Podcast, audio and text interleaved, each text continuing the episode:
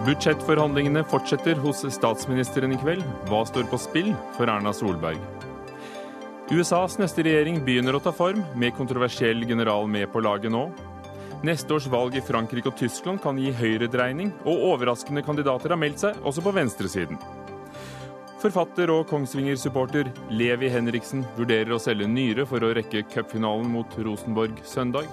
Hva kan Rosenborg-supporter Trond Giske ha å stille opp mot det? Det får vi vite mot slutten av sendingen.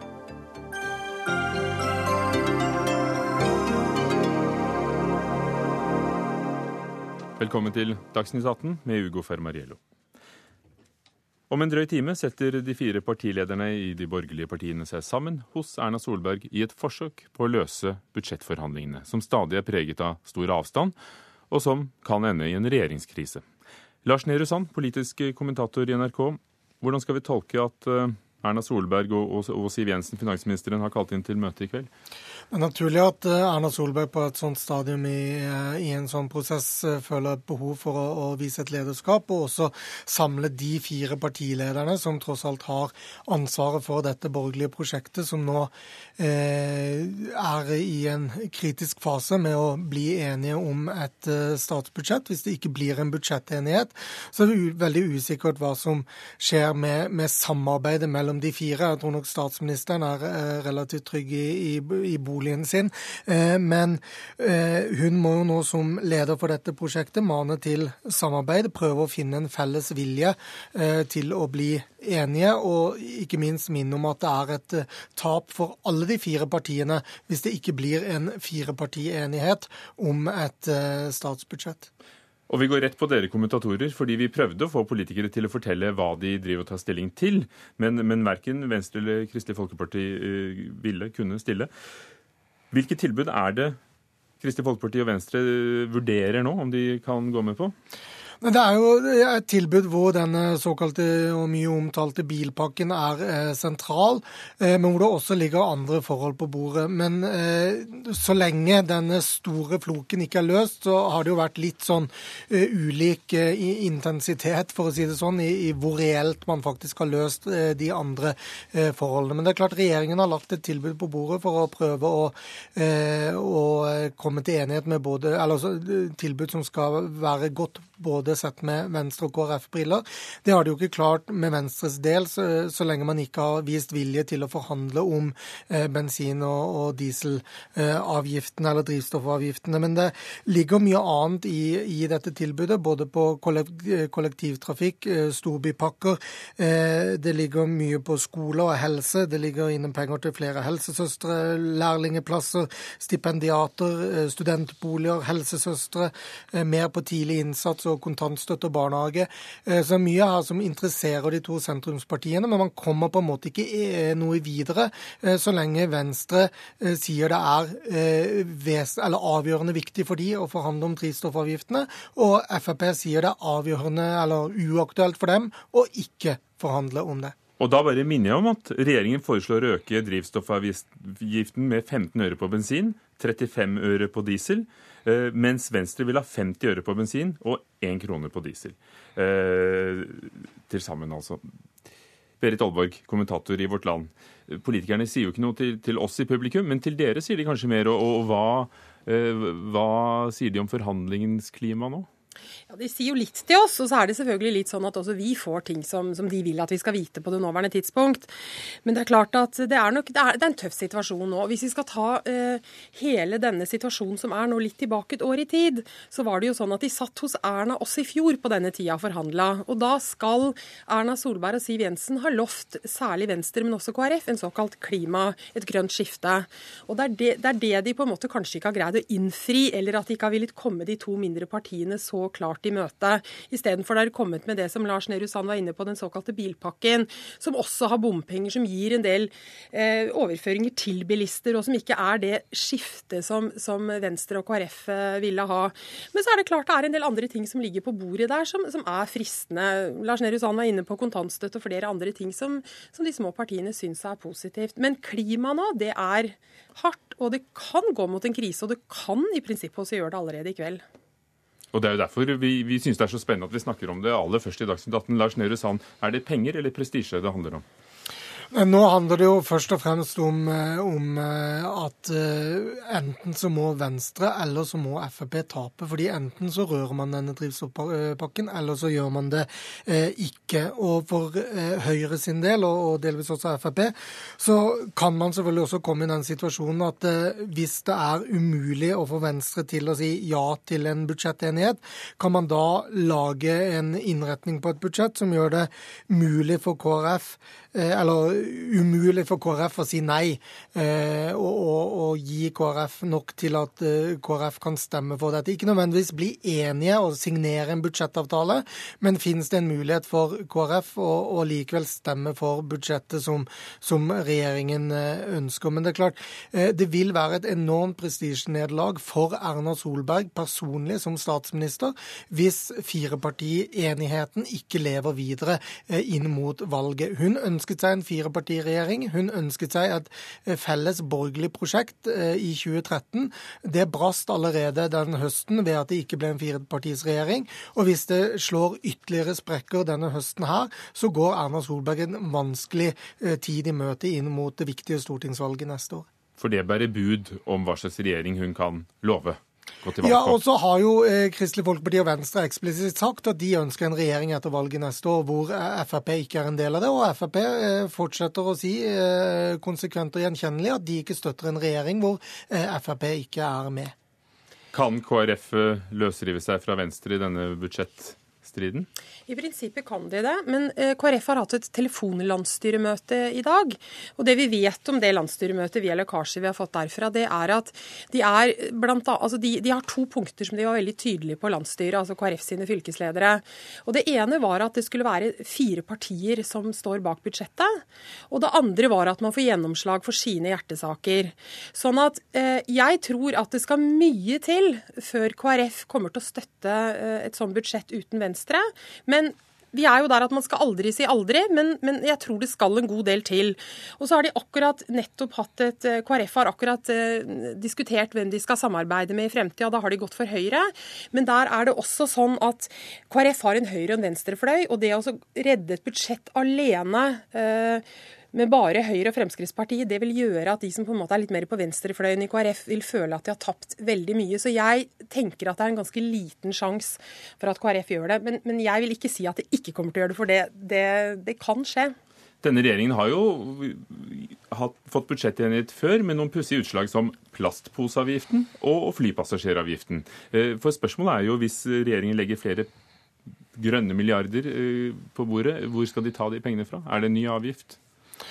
Det, det, kan det jo være. Jeg tror man eh, vil være forsiktig med å gjøre det, nettopp basert på de erfaringene man har hatt eh, tidligere, som du sier. Og så er det ikke bare penger som, som er eh, problemet i år. Problemet er at eh, man er veldig opptatt av å kunne bevise at det gir tydelige CO2- eh, eller klimagassutslippsreduksjoner neste år.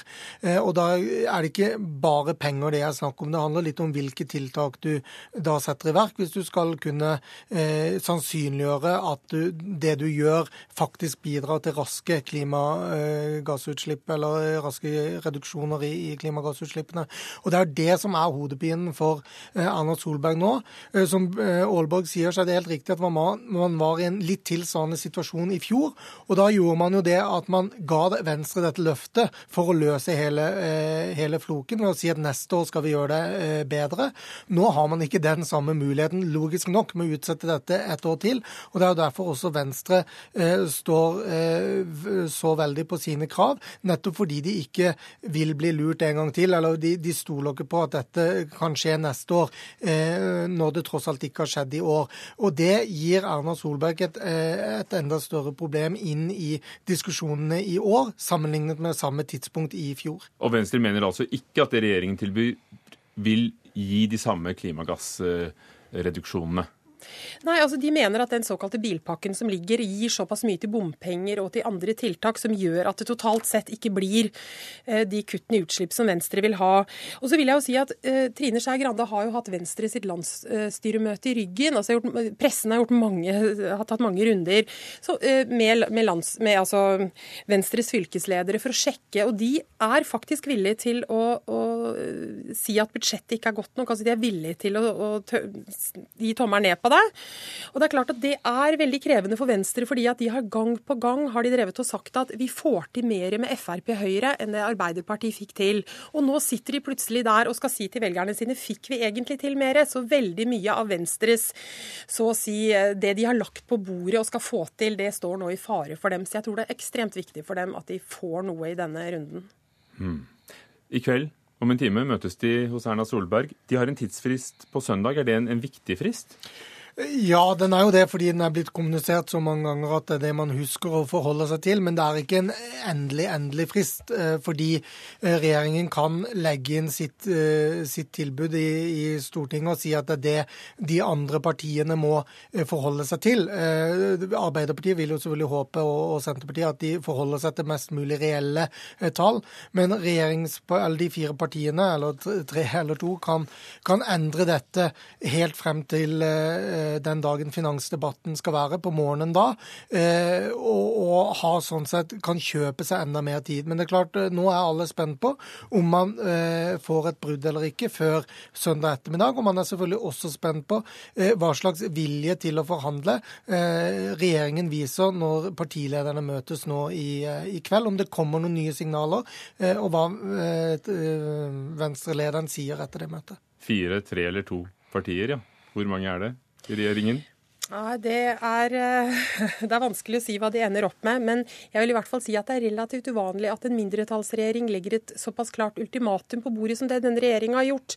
Og det er nok det som har gjort at konflikten har spissa seg ganske tydelig til. Takk. Berit Aalborg fra Vårt Land og Lars Nehru Sand, kommentator i NRK. Dagsnytt 18 alle hverdager kl 18.00 på NRK P2 og NRK2.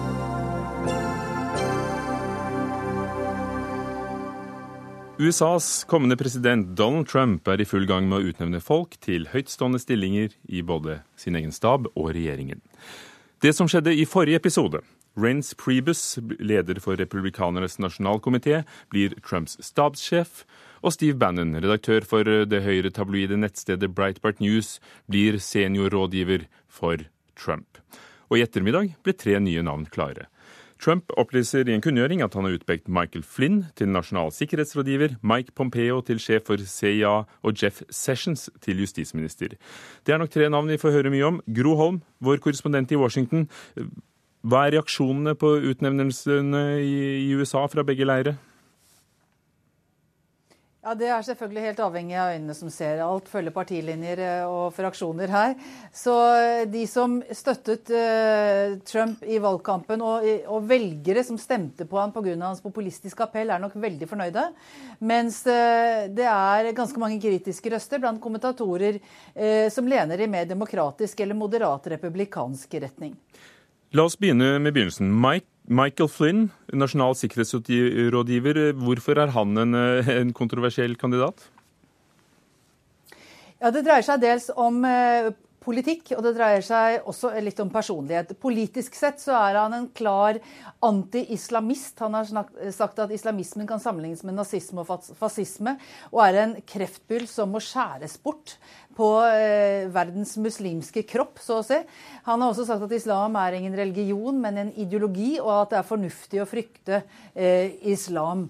Eh, han er eh, sterkt kritisk til Obamas eh, litt tilbakeholdne politikk når det gjelder å bekjempe IS i Syria. Han var etterretningssjef fram til 2014 og, ble avsatt dels pga. den kritikken og dels pga. at han eh, har eh, et voldsomt temperament eh, og er vanskelig å samarbeide med, forteller folk som har eh, jobbet i systemet. Så det er det andre kritiske punktet mot, eh, mot Michael Flynn. Men han får jo en veldig viktig stilling som eh, sikkerhetspolitisk rådgiver. Han er på en måte dørvokteren inn til presidenten når det gjelder utenriks- og sikkerhetspolitikk. Og han er den som har presidentens øre hver eneste dag. Og så er det justisministeren, Jeff Sessions. Hvilken bakgrunn har han? Han er eh, leder for eh, migrasjons- og innvandringskomiteen i Senatet. Er advokat, som veldig mange andre er.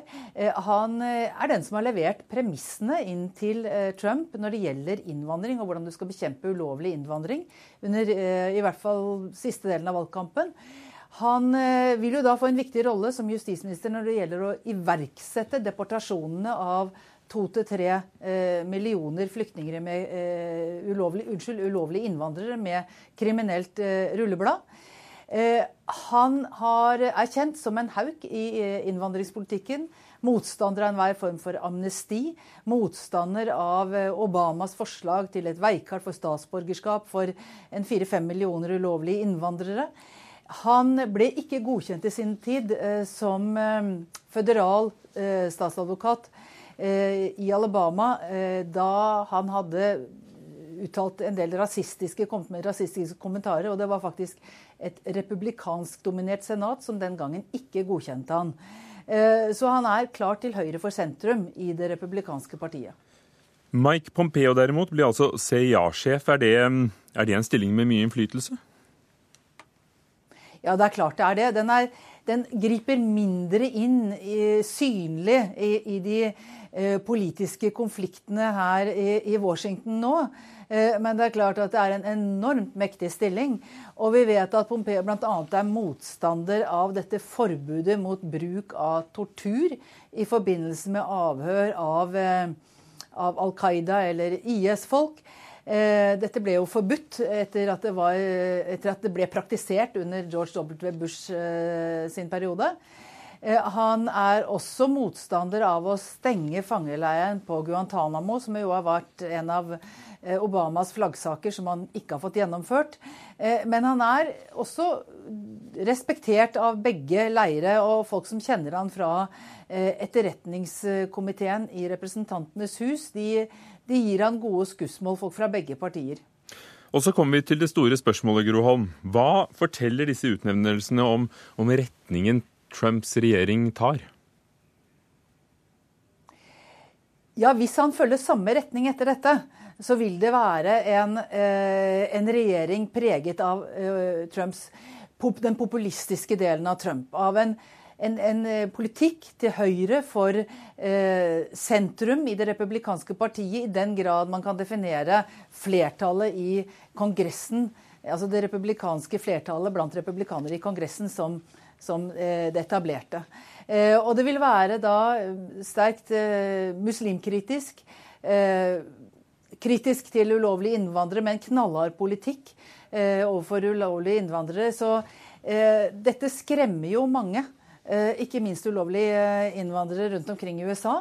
Og det har også ført til, allerede før disse siste utnevnelsene, ført til at flere borgermestere i såkalte fribyer for ulovlige innvandrere, sånn som i Angeles, San Francisco og New York, har sagt at eh, de kommer ikke til å gjennomføre deportasjonspolitikken. Eh, de kommer ikke til å bruke politikreftene i sine byer på det. Det må i så fall eh, føderale myndigheter stå for. Så dette vil føre til en splittelse, en polarisering i USA.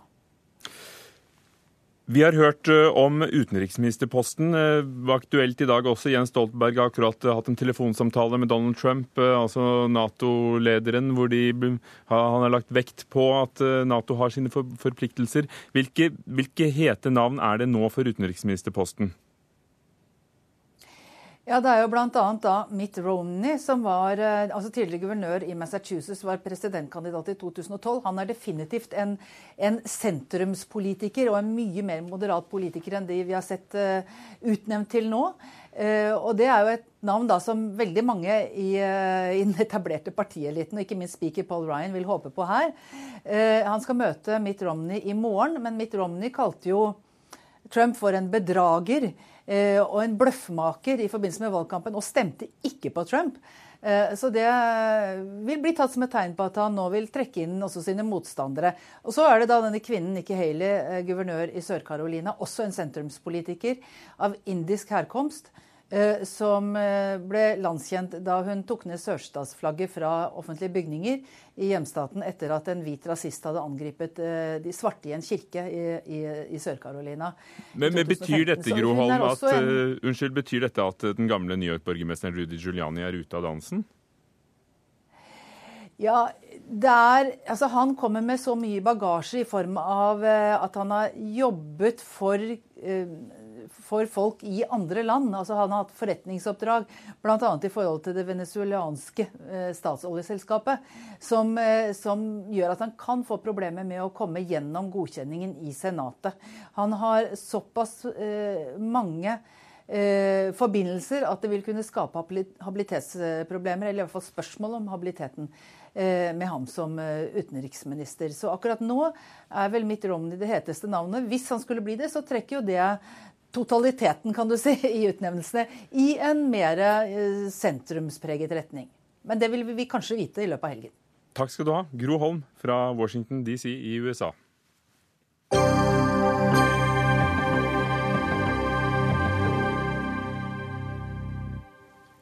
Fremskrittspartiet er ikke partiet for folk flest ifølge LO, skriver Dagsavisen i dag. Dette er på bakgrunn av LOs egen meningsmåling gjort blant medlemmene i oktober. Der har oppslutningen om Frp blant LOs medlemmer falt fra 17 til 7,7% etter at eh, Frp gikk inn i regjering. Are Thomasgaard, sekretær i LO-ledelsen. Eh, før vi tar tallene, hva mener du med at uh, Frp ikke er for folk flest? Nei, Når du er nede på 7,7% så er det jo uh, over 92% som ikke støtter opp under den politikken. Så uh, det sier seg jo selv at ordet flest er jo flertall, og 92% det er jo et flertall. Og det er altså ikke bak Frp sin politikk. Kan det være at folk flest ikke er LO-medlemmer? At de er andre steder? Ja, altså Det er helt klart at LOs medlemmer uh, har nok et litt annet mønster enn uh, det du ser i øvrige meningsmålinger. Men allikevel så er det et klart pekepinn på hva befolkningen mener. Altså En fjerdedel av Norges befolkning nesten, eller litt, litt i underkant av det, er medlemmer i LO. og Det er klart at det har en betydning. Bård Hoksrud, stortingsrepresentant for Fremskrittspartiet. Hvorfor har dere halvert oppslutning blant eh, LO-medlemmene, tror du? Dessverre så er det litt sånn at vi har gjort det litt dårlig på meningsmålingene nå, men det er ting som vi skal sørge for å rette på, fordi vi skal få ut politikken vår og hva vi faktisk gjør for noe.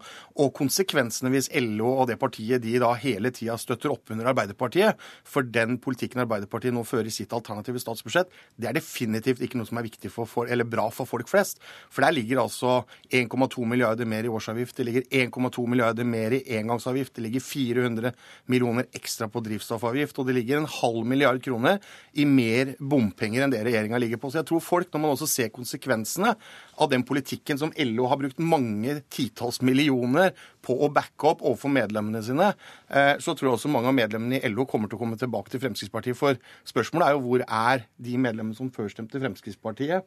Eh, er de borte, eller er det sånn at jeg tror de fleste faktisk har satt seg på gjerdet eh, og er opptatt av hva som kommer? og vi, Dette kan snu seg veldig fort, og vi er overbevist om at vi skal gjøre en god jobb for å overbevise folk, også LE-medlemmer, at de bestemmer på Fremskrittspartiet til valget. Ja, ja hvor er de? de? de? som før hos dere stemte på Frp, hvor, hva stemmer de nå, eller hva sier de at de stemmer? Vår, vår, oppfatning er at uh, veldig mange ser nå hva Fremskrittspartiet representerer når de sitter i regjering. Og våre medlemmer vi har, vi har jo ganske omfattende demokratiske debatter fram mot LO-kongressene. Uh, vi, vi, hadde 127 000 innspill i forhold til forrige LO-kongress. Det er helt tydelig hva LO-medlemmene vil ha. og Vi, vi ser jo bl.a. det at denne regjeringen har svekka arbeidsmiljøloven. Men, men det jeg spurte om var, hva, hva, stemmer de nå? Altså Hvor er de gått? Nei, de, de, for det fordeles jo ellers, men blant LOs medlemmer medlemmer, så har jo Arbeiderpartiet en oppslutning på over 60,2 Den er sånn, gått opp? Den er gått opp. Så Sånn sett så er jo, er jo det samsvar mellom det LOs ledelse sier, og det LOs medlemmer sier. Og det er jo LOs medlemmer som definerer hva LOs ledelse sier. Er problemet at eh, LOs medlemmer har fått øye på politikken deres, eller at de ikke har fått øye på den? Hoksrud? Nei, Jeg tror at uh, vi selvfølgelig skal gjøre en jobb nå, fordi vi skal ha tilbake uh, enda flere velgere. Du har ett år på deg? Ja, vi har ett år på oss, og ett år i politikken er veldig lang tid. Men men det er altså sånn at Fremskrittspartiet har gjennomført masse som er viktig for helt vanlige folk. Jeg reiser ut hver eneste dag nesten og treffer folk flest, og treffer vanlige folk som er opptatt av eh, ting og hvordan det er i hverdagen sin. Og med det alternative statsbudsjettet som Arbeiderpartiet har lagt fram, med kraftige avgiftsøkninger for vanlige folk, så tror jeg faktisk at også folk vil si at det er bedre ha Fremskrittspartiet der. I tillegg til asyl- og innvandringspolitikken så vet vi at mange av de som nå da kanskje sier at de kan tenke seg å stemme Arbeiderpartiet, de, de er helt enige med Fremskrittspartiet og er glad for at det er Fremskrittspartiet som har sittet i regjeringskontorene og sørga for en god asyl- og innvandringspolitikk med eh, Sylvi Listhaug som statsråd. Når det gjelder skattepolitikken, så hevder dere i LO at eh, Frp ikke er partiet for vanlige folk. Og så peker Hoksrud på eh, flere ting han mener er nettopp til glede for Altså det som skjer, det er, jo, det er jo at du får en, du får en eh, altså skattekutt som, som eh, går mest til de med mest. Eh, Det er jo Det er bare tull. Det er bare tull. Det er ikke, det er ikke tull, det er, det er dokumenterbart. Det, det Skattekuttene går mest til de med mest. Samtidig så ser vi at en skrur opp avgiftene for folk flest. Og det er helt klart at den samsvaret der, da får det, dobbelt utfall av det. Så skattekuttene har ikke Men- men har programleder med respekt å melde, han hvis- kan hvis- ikke- hvis Jeg kan få lov til å snakke ut litt. Grann, sant? Skattekuttene har ikke gavna folk i noe særlig grad. Det er, svært liten, det er svært liten opplevelse av at en får ta del i de skattekuttene i forhold til vanlige familier. Så hører jeg at Fremskrittspartiet sier noe annet, men det er altså feil. Skattekuttene har i all hovedsak truffet de, mest, eh, de, de med mest fra før. Altså, Tall Men- fra men- Finansdepartementet gjengitt i Dagsavisen i dag viser at landets eh, 0,1% rikeste har fått over 220 000 i, i skattelette de siste tre årene, mens folk med en årsinntekt mellom 400 og 500 000, eller 400 og 450 000, har fått 2800 kroner i Det skattelette. er det Hoksrud kaller tull. Nei, men poeng, Poenget er altså at vi sørger for å gjøre noe med skatte- og avgiftslettelser. Og så har jeg lyst til å Men si... kan du kommentere jo, de tallene jo, men, men, først? Jo, tallene, men poenget er at det er, det er eh, formuesskatten som, er- som LO nå da skal gå til angrep på. Det handler om å sørge for at folk har jobber, at vi skaper arbeidsplasser. At vi har et næringsliv som har en helt særegen skatt, for det er formuesskatten. Og det er altså sånn at de som betaler formuesskatt nå, de betaler inn mer i kroner, men det er altså noe lavere enn det det var når vi overtok. Og folk har fått 8000 kroner siden denne regjeringen overtok, de som altså har en normal gjennomsnittslønn, i tillegg til at man har fått redusert på en del avgifter i tillegg til det. Og det betyr noe for vanlige folk i hverdagen Og så var det de Men- avgiftene men- som Hoksrud sier men- Arbeiderpartiet eh, vil Men, jekke opp. men programleder, det er jo dette her som er det viktige. sant? For det, De skattekuttene som Hoksrud nå sier skal, skal fremme næringspolitikk Vi har altså en rekordhøy arbeidsledighet. Vi har 139 000 arbeidsledige. Denne regjeringen skaper ikke nye arbeidsplasser. Denne regjeringen, De, de arbeidsplassene som kommer, det, det, det er noen få arbeidsplasser, og de, de kommer mest i offentlig sektor. Det har snudd seg totalt siden foregående regjering. Og så er jeg klar over at oljeprisene har hatt, hatt sitt å si i forhold til dette, men det burde vært satsa på en helt annen måte. Det er et problem. Det andre er svekkelsen av arbeidsmiljøloven. Det at vi nå har 25 000 flere midlertidig ansatte enn det vi hadde for ett år siden. Det er klart at det gir utslag. Det er klart LOs medlemmer merker seg dette, og det er klart at det får utslag i forhold til hva de svarer jeg, jeg, er veldig glad fordi jeg har jobba lenge, og jeg jobbet, begynte som flaskegutt og vet hvordan dette er. Jeg var til og med Nei, Jeg var rundskipsarbeider, så det handler ikke om hvem Jo, som har, jo, men hvem som, har- som har føttene nedpå. Vi har, vi, har, vi, har bakgrunn, vi har bakgrunn på bak- bakken begge to. Et øyeblikk, Thomas Geir. Kanskje jeg også fikk lov å prate, Thomassen? Det skal du få lov til. Eh, poenget er altså at det handler om vanlige folk og hverdagen til vanlige folk, og der er Fremskrittspartiet veldig opptatt av å gjøre noe. Jeg tror ikke svaret til vanlige folk, LO-medlemmer og alle andre, er Arbeiderpartiets alternative statsbudsjett med over 3 milliarder kroner mer i skatter eh, eller i avgifter til helt vanlige folk som sliter med å få hverdagen til å gå rundt. Det er ikke løsningen, og det er Arbeiderpartiets løsning, og det er LO sin løsning. Det syns jeg er synd. Jeg er mye mer opptatt av at vi faktisk skal sørge for å fortsette å gjøre ting som er viktig for vanlige folk, og da må vi redusere skatter og avgifter, og det gjør Fremskrittspartiet i regjering. Vi ser bare nå at vi er Alt- opptatt ja, av de tingene tingene det fikk du sagt i sted. Ja. Altså Denne målingen viser at over 60 av medlemmene deres vil stemme på Arbeiderpartiet. Er det også slik at dere agiterer litt for Arbeiderpartiet internt og, og ber medlemmene at dette, på denne måten Dere har jo tette bånd i LO til Ap, det er jo ikke noen hemmelighet. Og, Nei, det er og, hemmelighet. er det slik at, at dette er en del i i valgkampen for Ap fra Nei, deres det, side? det, det er å snu ting på huet. Altså, det er slik at LO har demokratiske prosesser. Som jeg sier, det var 127 000 innspill til LO-kongressen sitt program ved forrige LO-kongress i 2013. Vi er nå midt oppi den. Det kom inn over 50 000 forslag.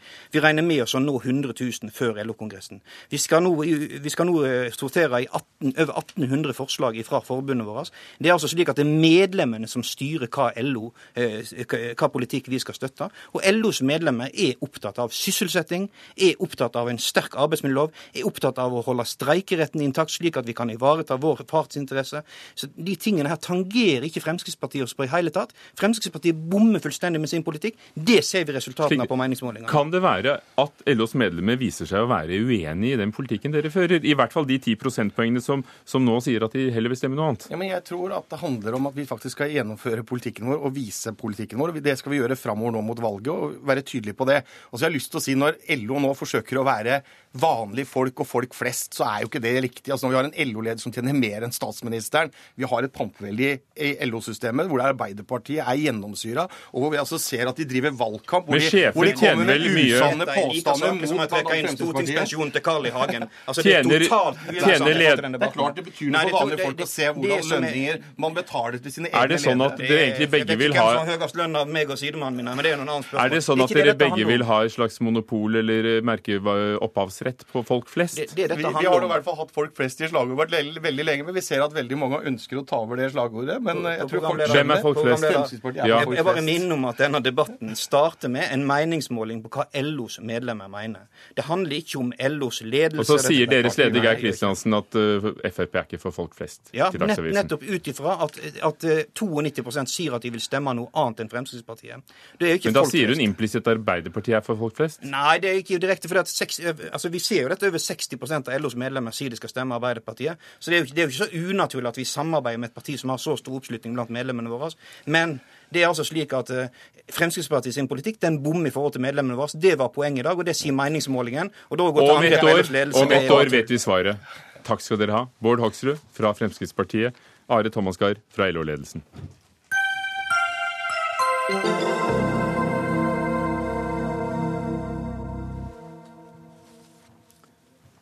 Denne uken trappes presidentvalgkampen opp i Frankrike. Søndag nominerer det konservative partiet, republikanerne, sin kandidat. Og det partiet vil få sterk konkurranse fra høyrepartiet Front National, Nasjonal Front, og leder Marine Le Pen, som er på sterk fremmarsj blant folk flest i Frankrike. Derimot er det uklart om den sittende presidenten Francois Hollande stiller til gjenvalg. Philip Lote, korrespondent i nabolandet Belgia i, i Brussel. Hvordan ser franskmennene på presidentvalget neste år? Jeg tror det får mye mer oppmerksomhet uh, enn det noen gang har ført nå så tidlig. Og det er litt fordi at uh, både sosialistene og de konservative har en annen type nominasjonsprosess. Første runde hos de konservative er nå på søndag. Det er syv kandidater, seks menn og én kvinne, som forsøker å bli uh, republikanerne, som de kaller seg, det konservative partiets presidentkandidat. Favoritter er Alain Juppé, som har vært utenriksminister og statsminister før, Sarkozy, som har vært president og innenriksminister før. Og så er det seilet opp en tredje kandidat. Francois Fillon, som eh, kan eh, slå en av de og gå videre til andre runde, men mest sannsynlig så er de nødt til å bruke to runder på å velge sin kandidat. Og nettopp fordi at de har denne åpne eh, nominasjonsprosessen hvor helt vanlige franskmenn kan være med, så lenge de registrerer seg, betaler to euro og så sier at de har en viss sympati med konservative verdier, så kan de være med. Og nettopp fordi at det er såpass stor åpenhet om det, så er det også veldig mye om det i den franske samfunnsdebatten akkurat i disse dager. Så altså for å oppsummere, Sarkozy, kjent på verdensscenen fra sin presidentperiode. Juppé, vært populær borgermester i Bordeaux i, i mange år. Og Filot, han er heller ikke et ubeskrevet blad. Nei, Han var statsminister under Sarkozy fra 2007 til 2012. Nå beskriver han sin tidligere sjef som en som er utdatert, som har tapt et gjenvalg og som er prøvd og ikke da er verdt å prøve på nytt. Han beskriver Juppé som en mann som egentlig gjør de riktige tingene, som er til å stole på og som har en god politikk, men at han er for, for forsiktig. Francois Fillot, hvis han går videre til andre runde, har faktisk en reell mulighet til å bli kandidaten. og Det er litt overraskende. for det er kommet nå de aller, aller siste dagene. Og For de konservative så handler det jo først og fremst om å velge en kandidat som de tror kan slå Marine Le Pen i presidentvalget til våren. Så hvor sterkt står hun, Marine Le Pen og, og Nasjonal Front? Hun står ganske sterkt, men spørsmålet er hvor mange flere velgere hun klarer å tilegne seg. Hun har hatt i overkant av 30% støtte, men Trumps seier i USA ble sett på som en enorm vitamininnsprøytning for henne. Og den 9. november, da valgresultatet i USA var klart, så hadde hun en stor dag. Hun beskrev det som en dag for frihet, en dag for alle de som ønsket å sette lands suverenitet høyt. Og hun håper nå på at dette skal smitte over. Hun avdekket et emblem, et partiemblem i denne uken her, hvor det var en blå rose. Så ble hun spurt hvorfor er rosen blå. Jo, for å si det er en, egentlig en litt sånn unaturlig farge for en rose, men vi ønsker å vise at det umulige er mulig, og da pekte til den populære populistiske strømningene som har ført til at Trump ble president i USA.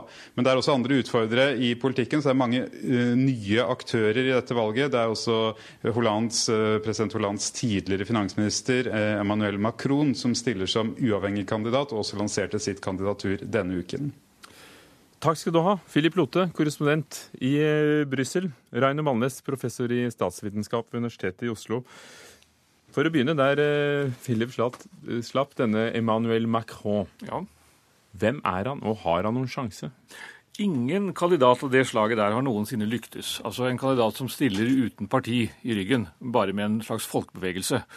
Han er ganske populær. Han er en utpreget sentrumspolitiker. Og det sies gjerne at hvis Juppé blir nominert fra republikanernes side, så har Macron ingen sjanse.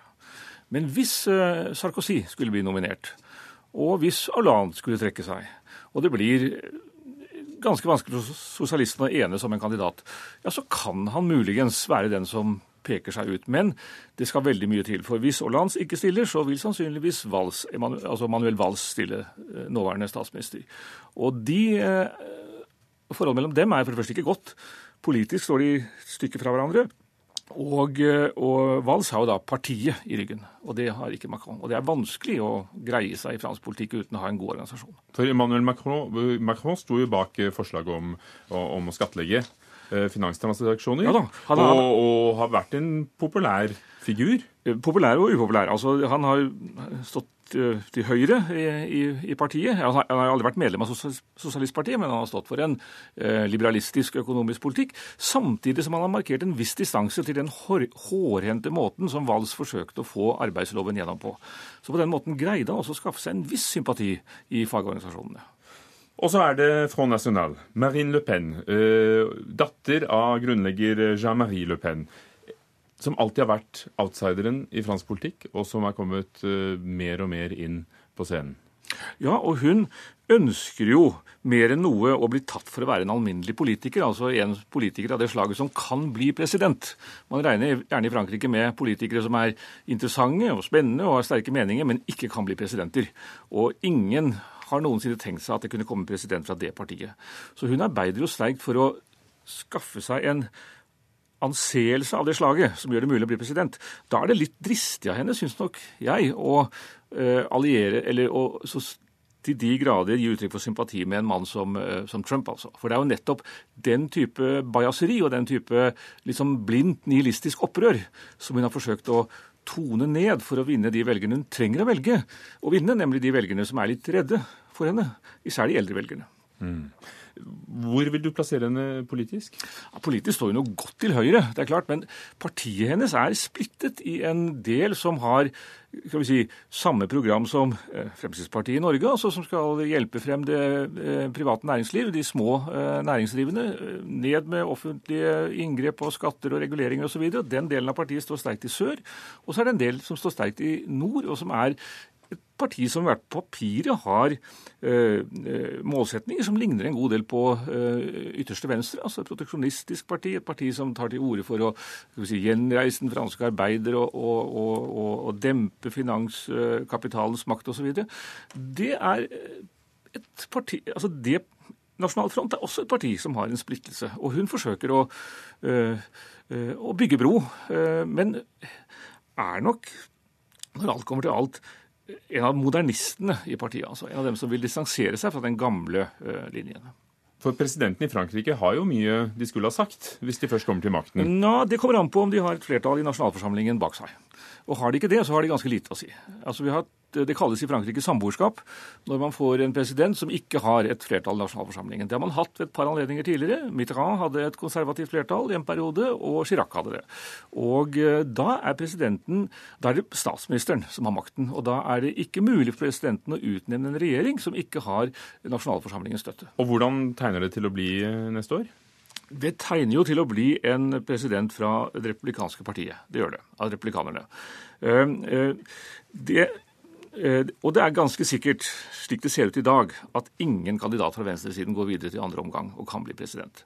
Men altså Er Roland så upopulær? Eh, ja. I dag så har han eh, problemer med å komme over 10% på meningsmålingene. og det er det, det, ville være ganske oppsiktsvekkende Nå vil han nok, altså Hvis han erklærer seg kandidatur, så ville han få en masse oppmerksomhet og formodentlig også stige en prosent eller to. Men det ville være oppsiktsvekkende om han greier å gjenvinne det tapte terrenget. Så blir det spennende å se hvor, hvor, det går. Men det er et spennende valg også nord, i Tyskland.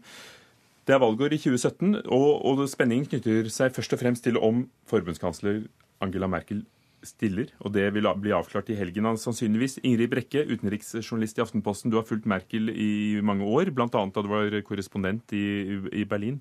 Tror du hun vil stille? Ja, det er jeg veldig sikker på. Jeg skulle bli utrolig overraska hvis hun plutselig sier at nei, det skal hun ikke. For da vil jo sette partiet sitt i et uh, fryktelig dilemma. Det vil bli et kaos. Det fins ingen alternativer eller noe sånn plan B. Men hvem har muligheten i Tyskland for å få regjeringsmakt? Altså, Sånn som det ser ut nå, så er jo sannsynligheten kanskje, størst for at det blir den samme regjeringa som nå, nemlig en storkoalisjon med kristeligdemokrater og sosialdemokrater ledet av Angela Merkel. Eh, men eh, det er jo mye politisk uro også der. Og nå eh, er det en del som snakker om at det kan tenkes at det blir et slags rød-rød-grønt samarbeid.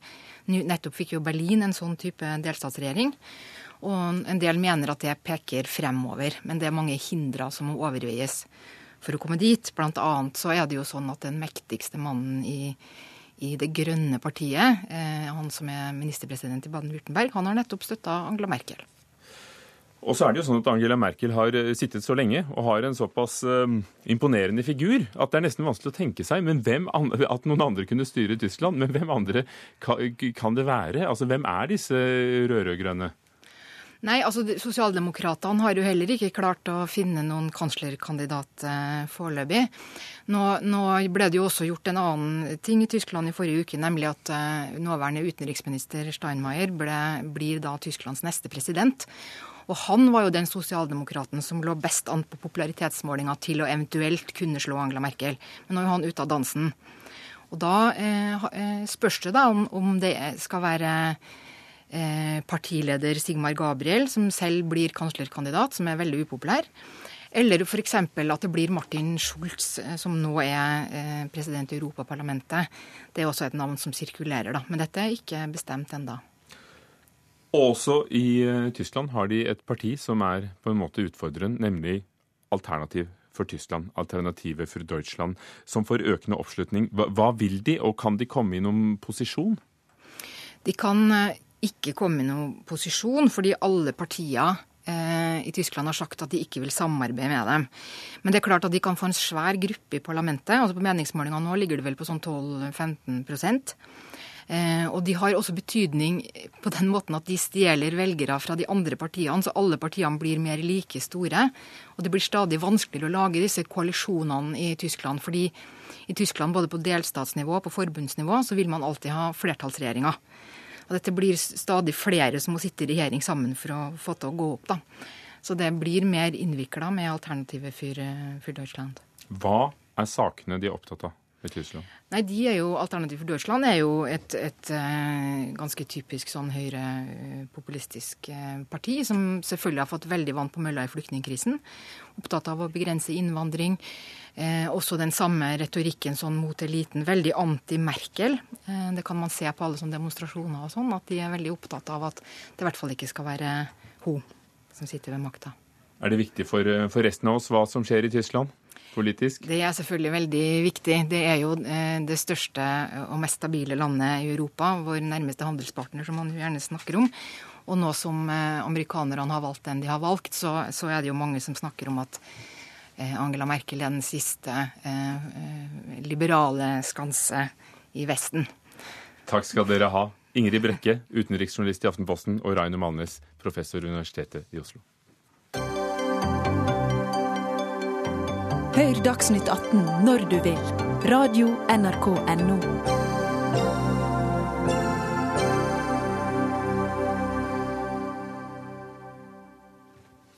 august i år ble 25 menn henrettet i Iran.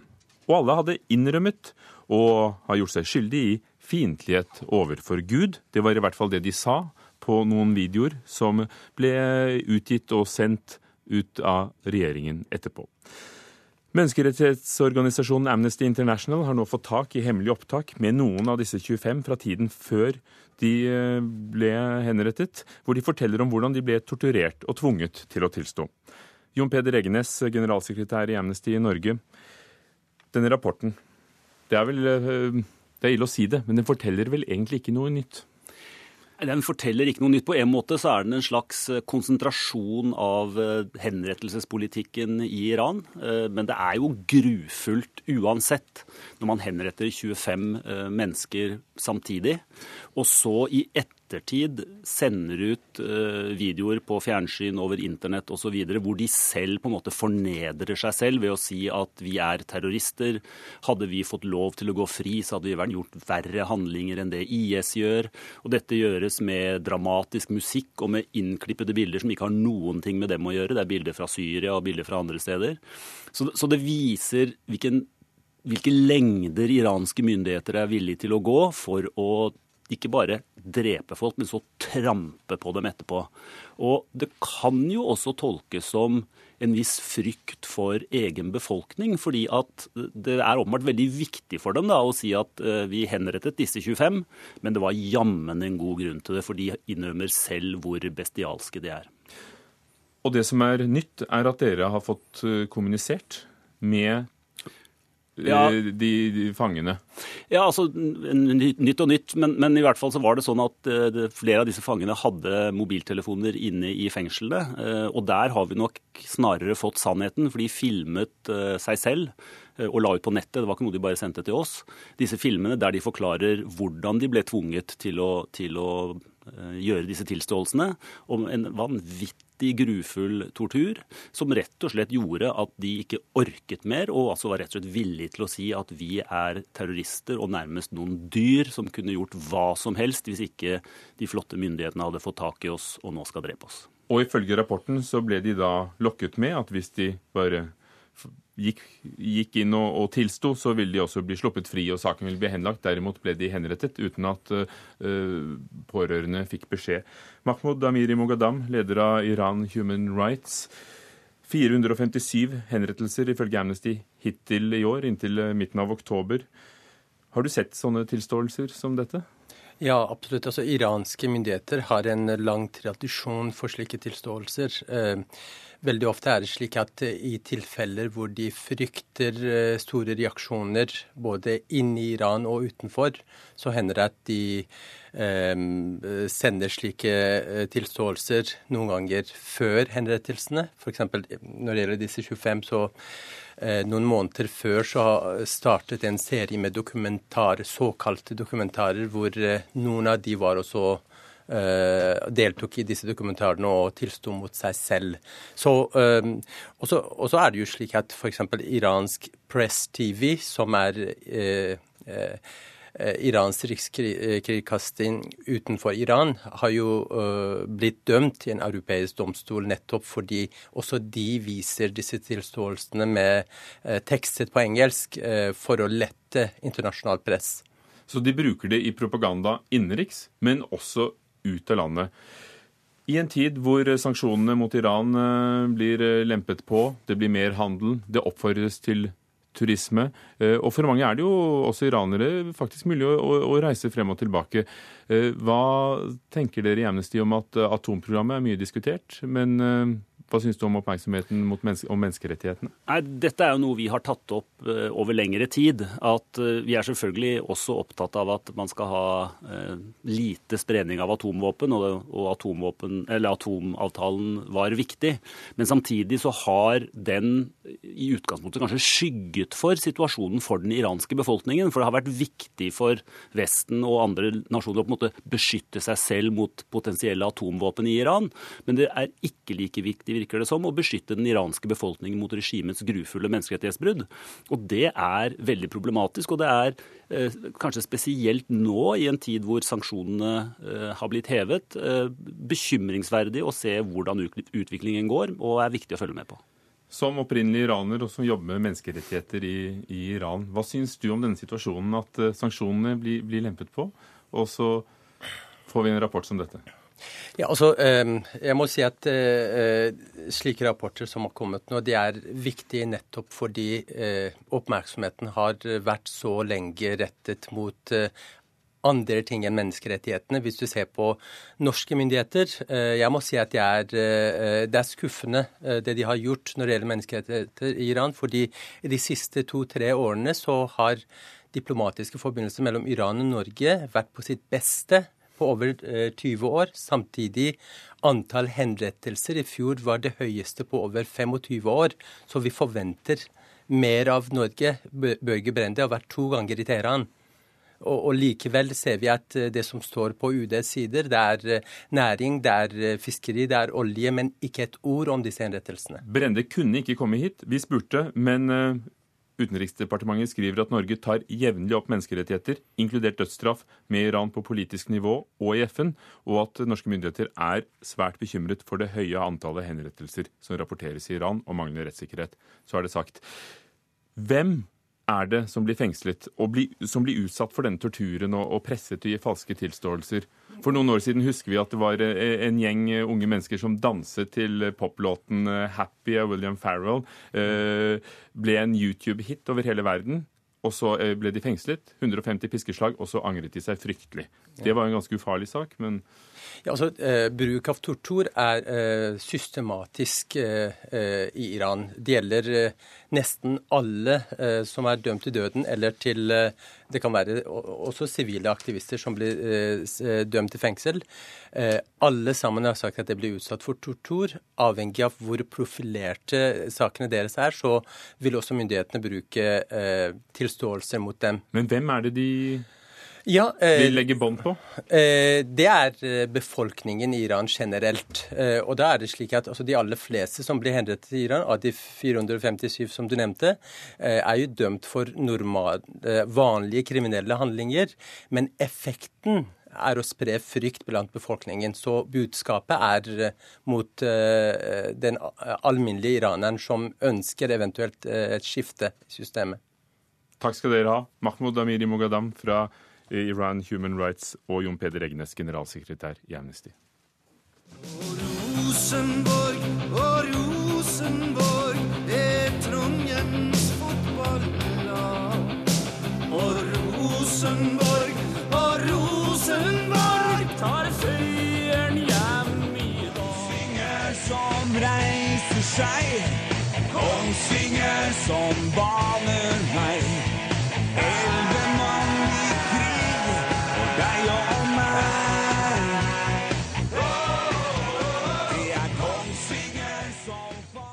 Søndag er det cupfinale. Dette var Kongsvinger-sangen. Han gråter aldri i begravelser, men han gråt da Kongsvinger gikk til cupfinalen. Forfatter og musiker Levi Henriksen. Beskriv hvordan du opplever at ditt lag skal møte selveste, for det må være lov å si, selveste Rosenborg i cupfinalen på Ullevål stadion på søndag. Det er jo smått uvirkelig, for det er jo noe vi har eh, drømt om i mange, mange år. Dette er første gang Kiel er i cupfinalen, og det blir eh, kamp mot, eh, Davids kamp mot Goliat. Eh, men eh, som en troende mann så har jeg tro på at eh, David vil felle kjempen. Hvor befinner du deg nå? Du, nå sitter jeg og har det helt forferdelig i Kirkenes og vet faktisk ikke om jeg rekker fram til cupfinalen. Jeg er her på en eh, litteraturfestival, og bandet mitt skal avslutte med konsert kvelden før, så det blir en veldig lang dag om jeg i det hele tatt klarer å rekke fram til cupfinalen på søndag.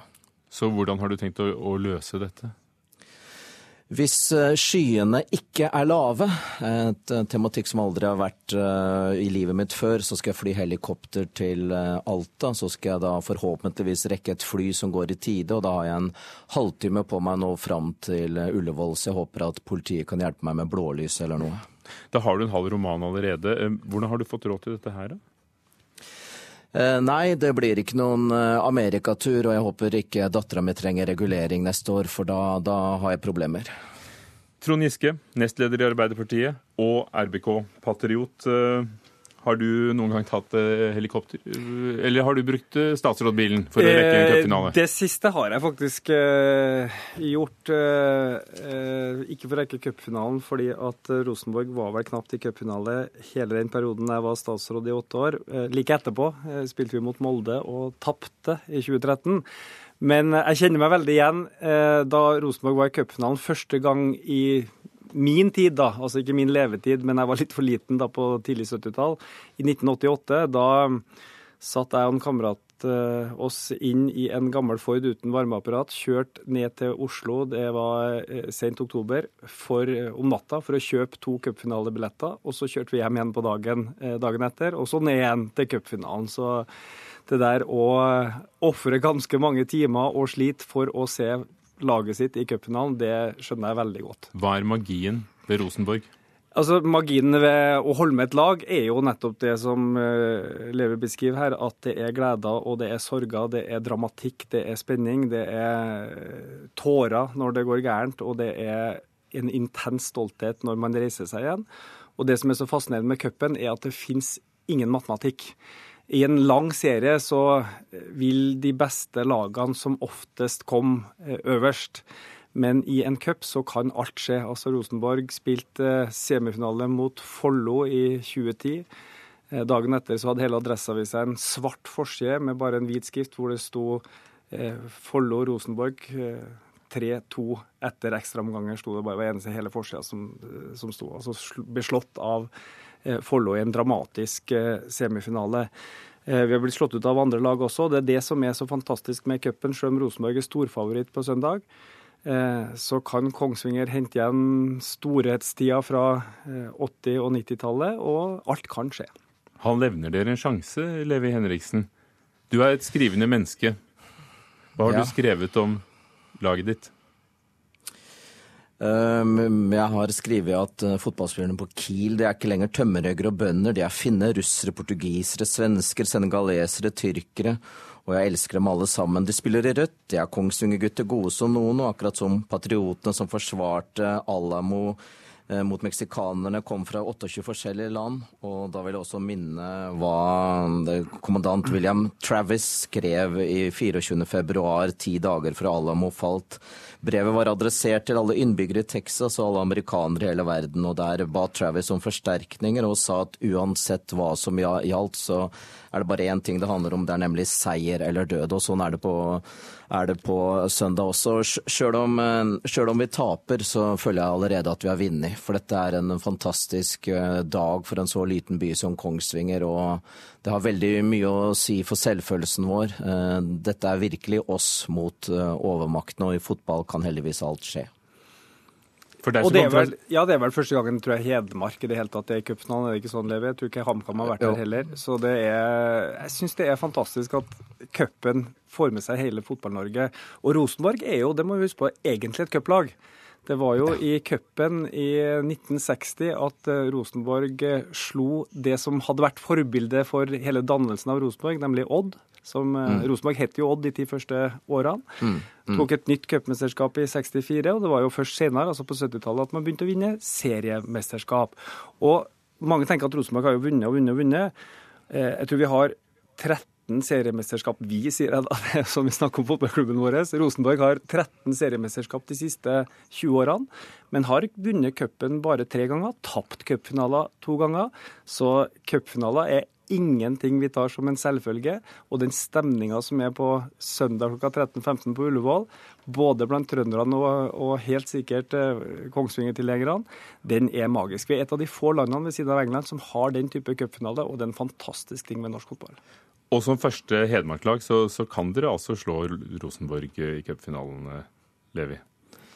Ja, alt er heldigvis mulig i fotball, og i disse tider med man snakker om kommunesammenslåinger og sammenslåinger av fylker og alt det der, så syns jeg det er veldig gledelig at eh, vi i Kongsvinger eh, føler at man har hele regionen bak seg. og Det er liksom det å kunne stå samlet om noe så forferdelig uviktig som fotball, men som likevel iblant føles som det viktigste i livet. HamKam skal vi si slo ut Rosenborg en gang i cupen, det tror jeg var ja, på slutten av 80-tallet.